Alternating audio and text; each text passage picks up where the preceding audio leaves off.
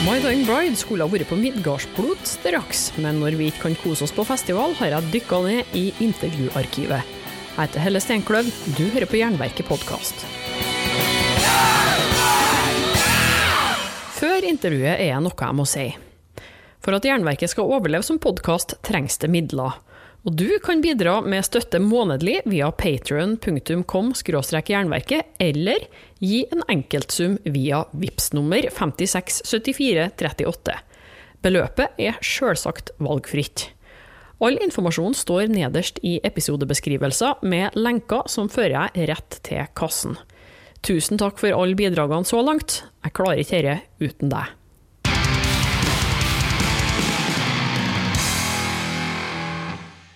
So it's nice to have you here. It's nice to be here. Yeah, it's, it's a great place. So can you uh, please uh, tell the listeners who you are and what you do in My Dying Bride? Okay, hello. Uh, my name's Andy. I play guitar in My Dying Bride. I've been in the band since the very beginning, so I'm fairly qualified to answer these questions. I think. You should be. we're here in sunny Oslo, believe it or not, uh, for the Inferno Festival and uh, having a great time so far. Yeah, you're playing a show tonight. Mm-hmm. Yeah. What can we expect from you? Uh... Some old songs. We we're presently well.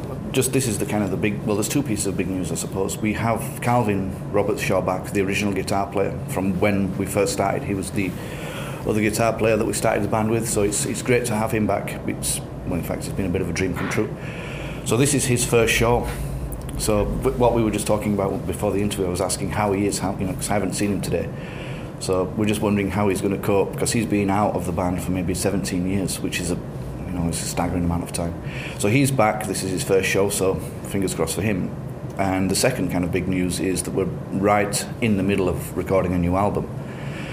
So we have got a really nice dilemma, which we've chosen to go for. We had two options: do we bring some new songs in with Calvin, or do we just we go back a bit and bring some old songs because we've got Calvin, and we chose to, to bring in some old songs. So we're playing two songs. One I don't think we've played for maybe 20 years.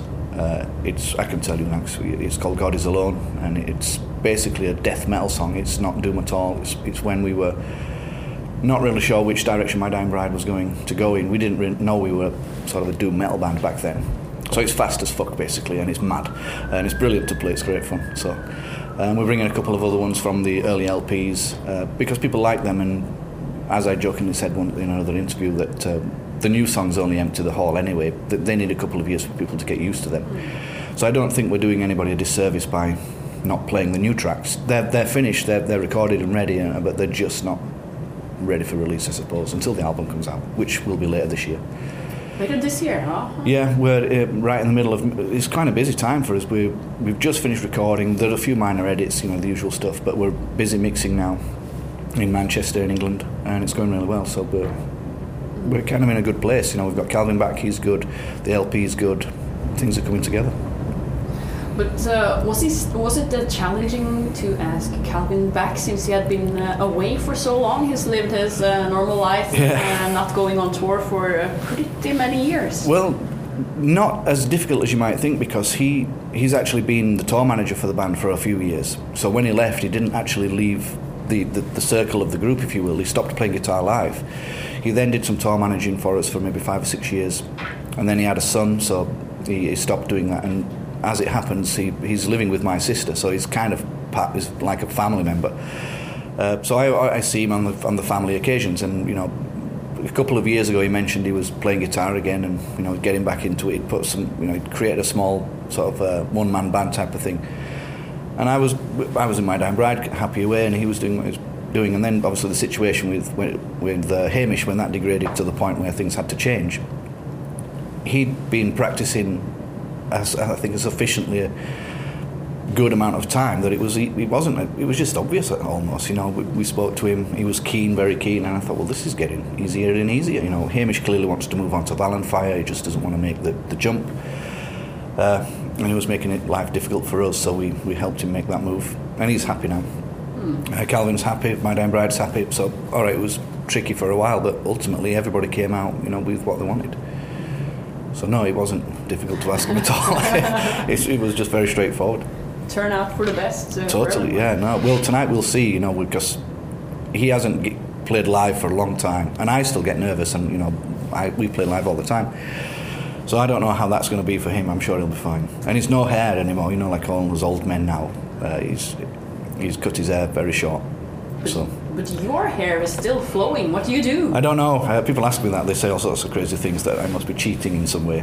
Uh, I, if I'm cheating, I don't. I, I think it's it's completely down to luck. Some you get away with it, and some don't. I'm you know coming up to 45, and uh, I'm not going bald yet, so I'm happy enough. You still got hair. Let it grow. Yeah, and, and yeah. well, that's what I joined a band for: long hair tattoos and Marshall stacks. I've got them now, so I'm happy. You know.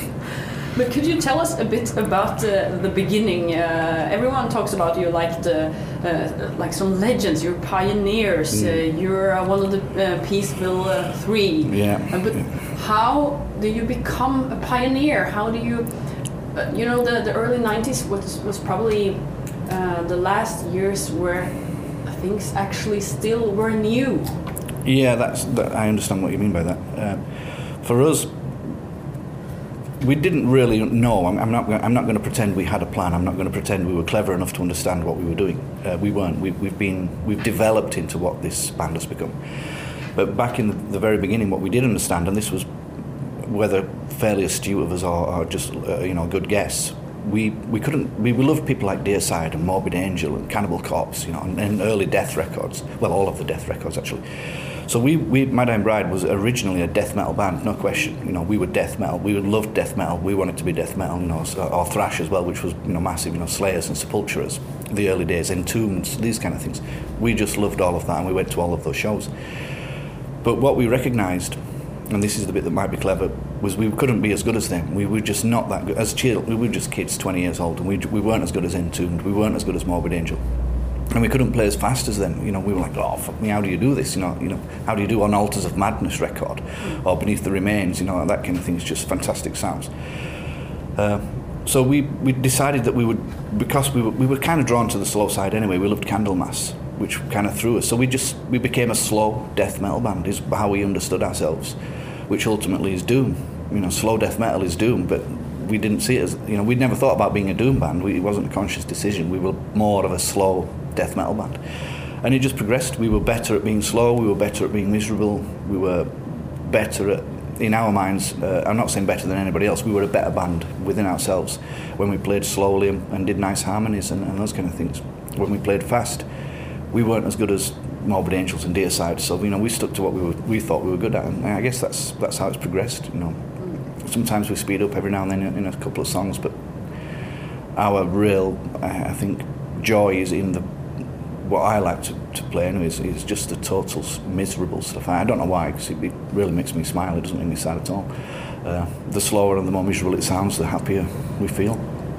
But isn't that kind of weird to be happy when you write those yeah. really, really sad lyrics? If, if you're a happy person, where do you get uh, all the words from? All the all Well, sad words? Yeah, I mean, we're not immune to real life. You know, we, we know that My Dying Bride is is almost theatre. It's it's it's it, ultimately we take from like everybody's we take from real experiences and we we you know inject them into the music.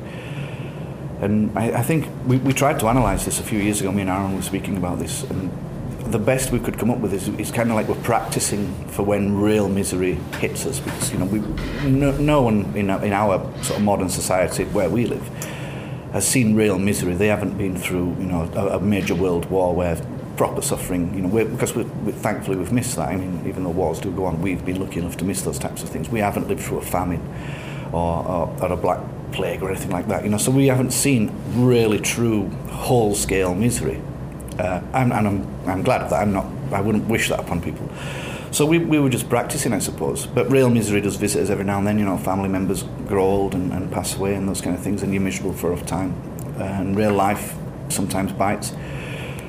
But the music we like, we just like it. You know, it's, it's just one of those things you just can't legislate for taste. People like certain things, uh, and it would appear that many people enjoy the, the same kind of stuff we do because here we are uh, playing another, you know, great festival in, in Norway because people want that. They're mad men. They're just, you know, just they're as crazy as us, I suppose. Please. But uh, you also went from uh, extreme vocals to more and more clean singing. Uh, how this uh, that, did this uh, affect the songwriting? Do you think the the sorrow shines more through Yes, with it- a clean voice? Yes, it, it, it also it allowed us to to develop to an extra dimension in the, the, the sort of music writing. So we could then concentrate on, say, "Turn Loose the Swans," for example. That song, we have a really, what I consider a really nice piece in the centre of the song, uh, where Aaron sings in, in nice clean vocals, and the, the, the lyrics reflect that. Before that, we would just bray straight through with the death metal vocals, and you would lose some of the effect of that part. And also, when you swap back to the death metal vocals, there is immediately more impact uh, in the aggression. So it's for us, it, it seemed obvious, but it wasn't obvious when we, you know, until we tried it. it it's obvious now. Uh, and what we've done, just to, to sort of push home this thought, we've actually brought more of that back on this record. We have a lot more death metal stacked right against clean vocals. Uh, and the aggression and the, the sorrow really are black and white. You know, it's, it's really obvious what's going on now, and it works really well. It's so it was a. I have to admit, it was a gamble when we tried that on. Uh, it wasn't Turn Loose the Swans. We tried it first, but it worked. Uh, I, if truth be known, prefer more death metal, but Aaron likes to sing a bit more now. So, but we've managed to drag some more death metal, a lot more death metal vocals out of him for this new record. So hopefully, uh, people will like the, you know, the, the sort of black and white vibe we've got going on now. And Aaron does uh, both uh, with no problem. Yeah, he does. Yeah, no, he's fine. He's uh, he, perversely his clean voice is actually better after he's done some death metal. I know, don't ask. but there you go. First time I've heard that Yes, one. yeah, do the do the noisy stuff first, and he has. I, I don't know. I think he's probably more warmed up by then. Uh, but you, uh, you, you told me you were going to play some uh, really old songs tonight. Will Mm. we hear something from the early, early 90s, like almost demo stadium? Uh, God is Alone is from the seven inch. It's we, we did a demo. We, we can't we, we could play one song off the demo, but we've we've played that one a couple of times. So we chose to play this because we I'm not sure we've even played this live. So God is Alone is we, we did the demo, uh, and then we did a seven inch for listenable record or pair drop is the magazine became uh, listenable records. Uh, Laurent Merle in France. So we did a seven inch for him in 91 possibly. So we are talking right after the demo. We weren't signed up by anybody. So this is pre Peaceville, pre uh, the big three, all of that. This is when we were really, we didn't know what we were doing. And I think it shows. but it's a great song. It's full of violence and rage. It's, it's, it's a good, we're, we're ending the show on that. So if you, you'll see if you get that. It's, uh, it's, it's a good song. I, I hear that I have to pop painkillers tonight and be there. F- Yeah, well, just get in for the last one. The rest you will have heard. I mean, we're playing uh, the Songless Bird, which is off uh, Turn the Swans as well, which is an ancient song. We haven't played that for maybe 20 years. So, and we're dragging back Your River and, and Turn Loose the Swans and some other early stuff. I think the the oldest one we do is from Fala, yeah, For Lies I Sire. So nothing off the last record because we just don't have the time to, to cover it all. So we've sacrificed uh, some new songs for the early ones, and it, I think it works.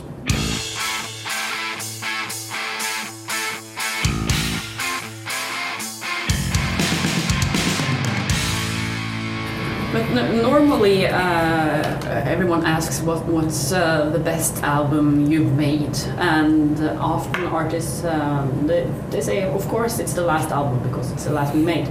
But which album uh, are you least pleased with? That's a good question. I would have to. I know this is going to sound awful, but I think it's for Lies I Sire. I think we. There's nothing wrong with it musically. I think we just got it. It was just a bit too clean for me now, listening back. I think it needed a little bit more edge, a bit more teeth to it. You know, it's it's a very safe sounding record. Uh, but that's not the worst thing in the world. You know, the, I still think the, the songs are okay. We're playing one tonight, so we obviously think the music's fine. Uh, but if I had to go back and change something, I'd probably just give that a little bit more, just shake it up a bit and, and give it a bit more, you know, know, a bit more of a rough edge. It, we, we, we, I don't know why we were thinking like that back then, but we did, and uh, you know, but it's not the worst thing that you could say. of course. Uh, but uh, after, yeah, that's been all 25 years as a band. You probably have um, seen and experienced a lot. And I love asking bands about their uh, Spinal Tap moments, the best Spinal Tap moments. We've actually done some things that Spinal Tap have got in their film, like getting lost under stages and they meet the janitor twice and they can't find the stage. We've done that. We didn't meet the janitor twice, but we certainly got lost. It was fucking ridiculous. But you just the Spinal Tap thing. The beauty of that is that it's true. Bands do those things. It's just idiocy. Uh, I think I don't. Thankfully, no one's been injured, and our, our, drummers do disappear, but they don't explode on stage, which obviously in Spinal Tap they do. But they do tend to disappear rather quickly. Uh, but for a true I, I, think probably that one because it's that one stands out straight away because we actually did it. We were stuck under some stage, walking round and round and round all these sort of service pipes, thinking, "Where the fucking hell are we?" And the gig is supposed to be happening, and we're lost under the stage somewhere. So, but where and when uh, was this? You remember? It's a few years ago, and it's in Holland somewhere. I don't remember the venue, but it's definitely somewhere in Holland. But, and, uh, but, but what happened? Did you find your someone way out? Found someone like like in Spinal Tap, all these guys looking mean and dressed in black, you know, suddenly looking forlorn and look like lost sheep, thinking, "Oh, we don't know where we're going." We genuinely, and then we ended up back in the same place. Uh, then someone said, "Look, what's going on? You're supposed to be on stage," and we were like, "We don't know where the fucking stage is." so he pointed us in the right direction, and off we went. And it's a funny story, but no, that's thankfully probably the, the daftest thing. I mean, we've had individually, you know, crazier things where people get into the wrong beds and. It, you know, years ago, I ended up sleeping with the driver, not realising that it was in the wrong bunk on the tour bus. But you know, it's a fairly innocent mistake when you've been drinking, I suppose. It is, but but have you? Or a welcome mistake, depending on how you want. but have you ever missed a show because something happened uh, while you were traveling? Oh no, thankfully not. We've no, we've been very good in that respect. I mean, I've never broken a string on stage in 25 years. This, the band is 25 this June, and I've never broken a, a, string on stage. Fingers crossed for tonight, then. Well, I've brought spare guitars. I bring them specially for that, and never use them. It's just amazing. It's, but yeah, no, it's we, have never, thankfully, missed a show for anything like that. Uh, we, we, many years ago, Rick. This is when, when Rick was drumming for us. He injured his hands to the point where he was having painkiller injections. Uh, his hands were like wood, like cracked wood. They were so dry and his skin was broken. It was it was painful for him. Uh, we had to stop. We couldn't play that night because of the injuries. But it was hardly a spinal tap moment because it was certainly not funny. But what we ended up doing is playing darts with the crowd. Everybody got the money back, and we were. This was in Germany somewhere. We got photographs, so we basically stood around in the bar, signed everything that people wanted to sign, and talked to people, and, and just played darts with the crowd. all of them. so that was kind of a night off. It was um, that was pretty cool actually. That's a new one. Instead of going to the hotel, just yeah, just play darts with the band. Yeah, we, we, don't want to see you play. Just play darts. That's what we did. But have you ever had any uh, crazy experiences with fans? Some frightening ones. The, we played in Slovenia a couple of years ago, and uh, it's like it's an old fort on the Danube, just right next to the Danube. It's a great venue. Uh, and then we, we came off, and the backstage was like a tent. Well, exactly like a tent, a big tent. And we, we came back, and obviously after the gig, you kind of just want two minutes just to just gather your thoughts, I suppose. and uh, Aaron sat down, and I was sat opposite him just having a drink. And we don't even know if this was a girl or a boy. A very sexless looking person came in with very dark makeup, looking like from the ring, you know, something like that. Very macabre look, very menacing look. And just sat at Aaron's feet, looking up, staring at him, but said nothing. And we're kind of like, what the, f- where's this going? You know, what the, f- what is going on? Um, we, we still don't know to this day what was going on, but there was a very menacing feel about it. Whether they, she was or he was insane or just a mad fan that was dumbstruck because it was Aaron or something like that, we don't know because the security got them out. Uh, but it was it was weird. But thankfully, nothing more than that. You know, no one's you know tried to injure us or do anything crazy. Uh, we've certainly had things thrown at us. I've been hit with coke bottles and money, and the money as well was it was old Italian lira, so it wasn't worth anything. So you've been smacked all over the place by these coins, and you can't even use them because the, the so you know the, the currency back then was useless. So, but no, thankfully, when it comes to the rock and roll side of things, we've very led a really quite I don't know serene and, and sort of calm life, thankfully. Uh, I, I, wouldn't want it any other way. It's, it's mad enough as it is. You don't need any extra stress. Agreed. there's a lot of touring and going on, and you have to keep your head fresh, I guess. Yeah, and you can. I mean, we injure ourselves enough just by drinking, you know, before and after a show, and those kind of things, of being silly that way, uh, and injuring ourselves, falling over because you know. I mean, we did one gig where Dan hurt himself so badly that he drummed on one leg, the left leg as well, and managed to get through the set using the wrong leg, which was quite impressive in itself. Uh, until we could get him to the hospital back in England. Wow. But so thankfully not. I mean, uh, Aaron's had a couple of injuries where things thrown at him uh, cut him, cut his head, so he's been bandaged up after the gig. But I think I don't think these are just My Dying Bride. Every band goes through those things, you know, especially at festivals when some person just decides they don't want you in the way of whoever's next or their band, you know, that kind of thing. But no, thankfully not. Uh, and fingers crossed it'll be the same tonight. Yeah, usually they're quite nice at uh, Inferno. Yeah, we we had a good time when we were, and a very good reception when we played here in 2004. And we played Blastfest last year, uh, which is kind of like uh, an up and coming festival, probably competing with this one. Uh, that was pretty, the crowd there was very very good. Was there a lot of people there? I haven't been to Yeah, Blastfest yet. For us, there was. We were we were pleasantly surprised, uh, and going by the reports, we you know we were one of the more popular bands there. And I wouldn't say that outright, but other people told me so. I like to believe that. But when we're talking about uh, parties and injuries, uh, what's uh, uh, in your eyes? When are you at a good party, with or without friends? Yeah, that's. It's right before you need to go to bed, I think, the, the best part. And knowing that you can leave and get back to your hotel within walking distance, that I consider that a, a sensible and good party because I'm not a massive sort of party goer. I, I, we don't do anything strange, you know, we, we don't do weird drugs or anything like that, which seems to be prevalent nowadays. But we do like to have a drink and a, a you know, a laugh, as it were. We're, we're not beyond that. But I just like the normal things, you know. If you've got good company, you've got so great music, you know, and those kind of things, that will do. It's very simple. Uh, You prefer the good, good old pub or the home party? oh, totally the pub. Yeah, it has to be. I mean, in England, we you know we kind of grow up with pubs, and we love them for that. Uh, I mean, like last night, that that was what I would consider a good party. The festival felt good. You know, people were smiling. You know, it was a really great vibe, even though it's 1349 that are you know tearing the place apart. Uh, that was a good show. That was a good party to be at. You know, and then that's the kind of thing we, you know, as heavy metal fans, we like to be in places full, you know, with, with heavy metalers and, and listening to heavy metal music with a good beer, and we had all of that. So I don't need much more than that. Fairly simple person. But uh, England is probably one of the countries uh, uh, Norwegians uh, go to the most, except for Sweden. Uh, do you have any recommendations if you want to go to have uh, fun at a club or a pub uh, in England?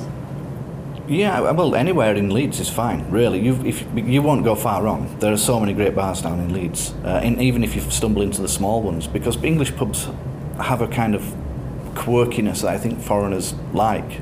You know, they're, they're very different to, you know, like Norwegian pubs and those kind of things. And it's far cheaper, so you can get drunk twice as quick. Uh, because especially out here, it can be pricey. But no, I, I mean, there's a there's a good few uh, there's a couple of good rock places in Leeds, uh, but they, they move about, so you, you don't always end up in the same place. But Leeds is a top top place for it. If you're going somewhere and you want everything, very modern city. You know, you, you can't go far wrong. I wouldn't go to Bradford. That's just a total dump. Go to Leeds. So the next time, don't go to London, go to Leeds. Well, it, Leeds is trying to be London, very cosmopolitan. Lots of foreign students, lots of foreign, you know, people there uh, who live there. So it's it's a very open city, if you will. It's a friendly place. I mean, it's not without its faults, like like most places, but you wouldn't go far wrong. I would. I mean, I'm, I'm I live there, so I kind of know this place. Obviously, I'm slightly biased, uh, or very biased. So yeah, but yeah, you won't go far wrong if you go there. Even if you don't like rock music, it's just a great place to be. Good tip. Um, yeah, we already talked more than um, 20 minutes, uh, and this this show is one hour long. Mm. And um, I like uh, the bands to pick the music for the show where they're in because that makes uh, an extra depth to it. So if you choose uh, one My My Dying Bride song and nine other favorite songs, can you do that? yeah. One My Dying Bride song, what shall I go for? I think The Wreckage of My Flesh is a good song. That's worth playing. That's from Songs of Darkness. It's one of my favourites. And the other songs, I think I'll go for Diary of a Madman, Ozzy Osbourne, uh, Bewitched, Candlemass, Behind the Mirror, Kreator from Terrible Certainty, that's a classic.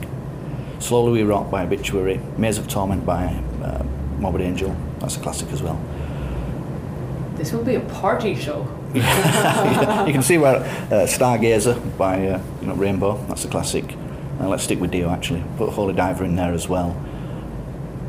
And Chains, I think from I think that's on Lasting Line. Chains. I think it's line. called Chains, or the Chains are off. On, you'll find it. Yeah. It's about track eight.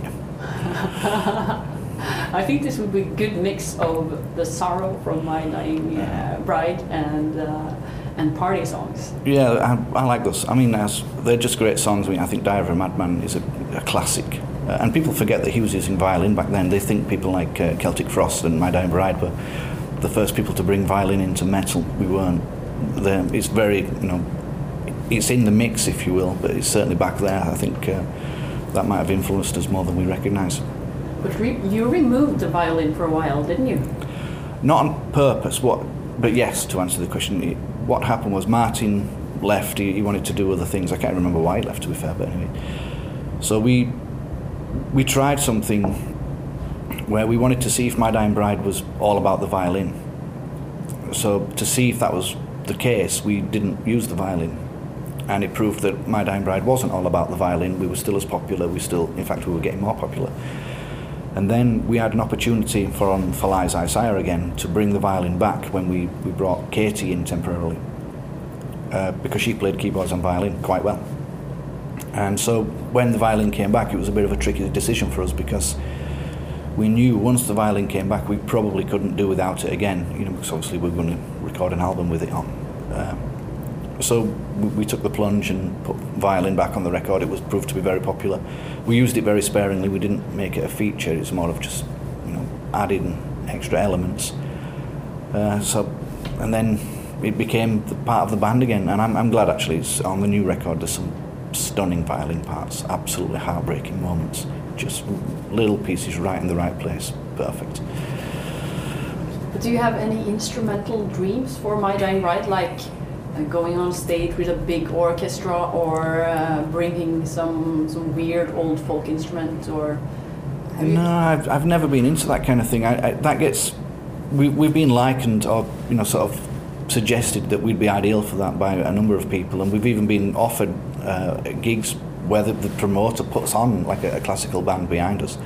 I think Anathema did something similar, uh, and maybe Tarja did something in it's in Romania or something like that, or Bulgaria, uh, and it looks okay. But I I'm a old-fashioned. I think we're a metal band. I think we're a heavy metal band with a violin.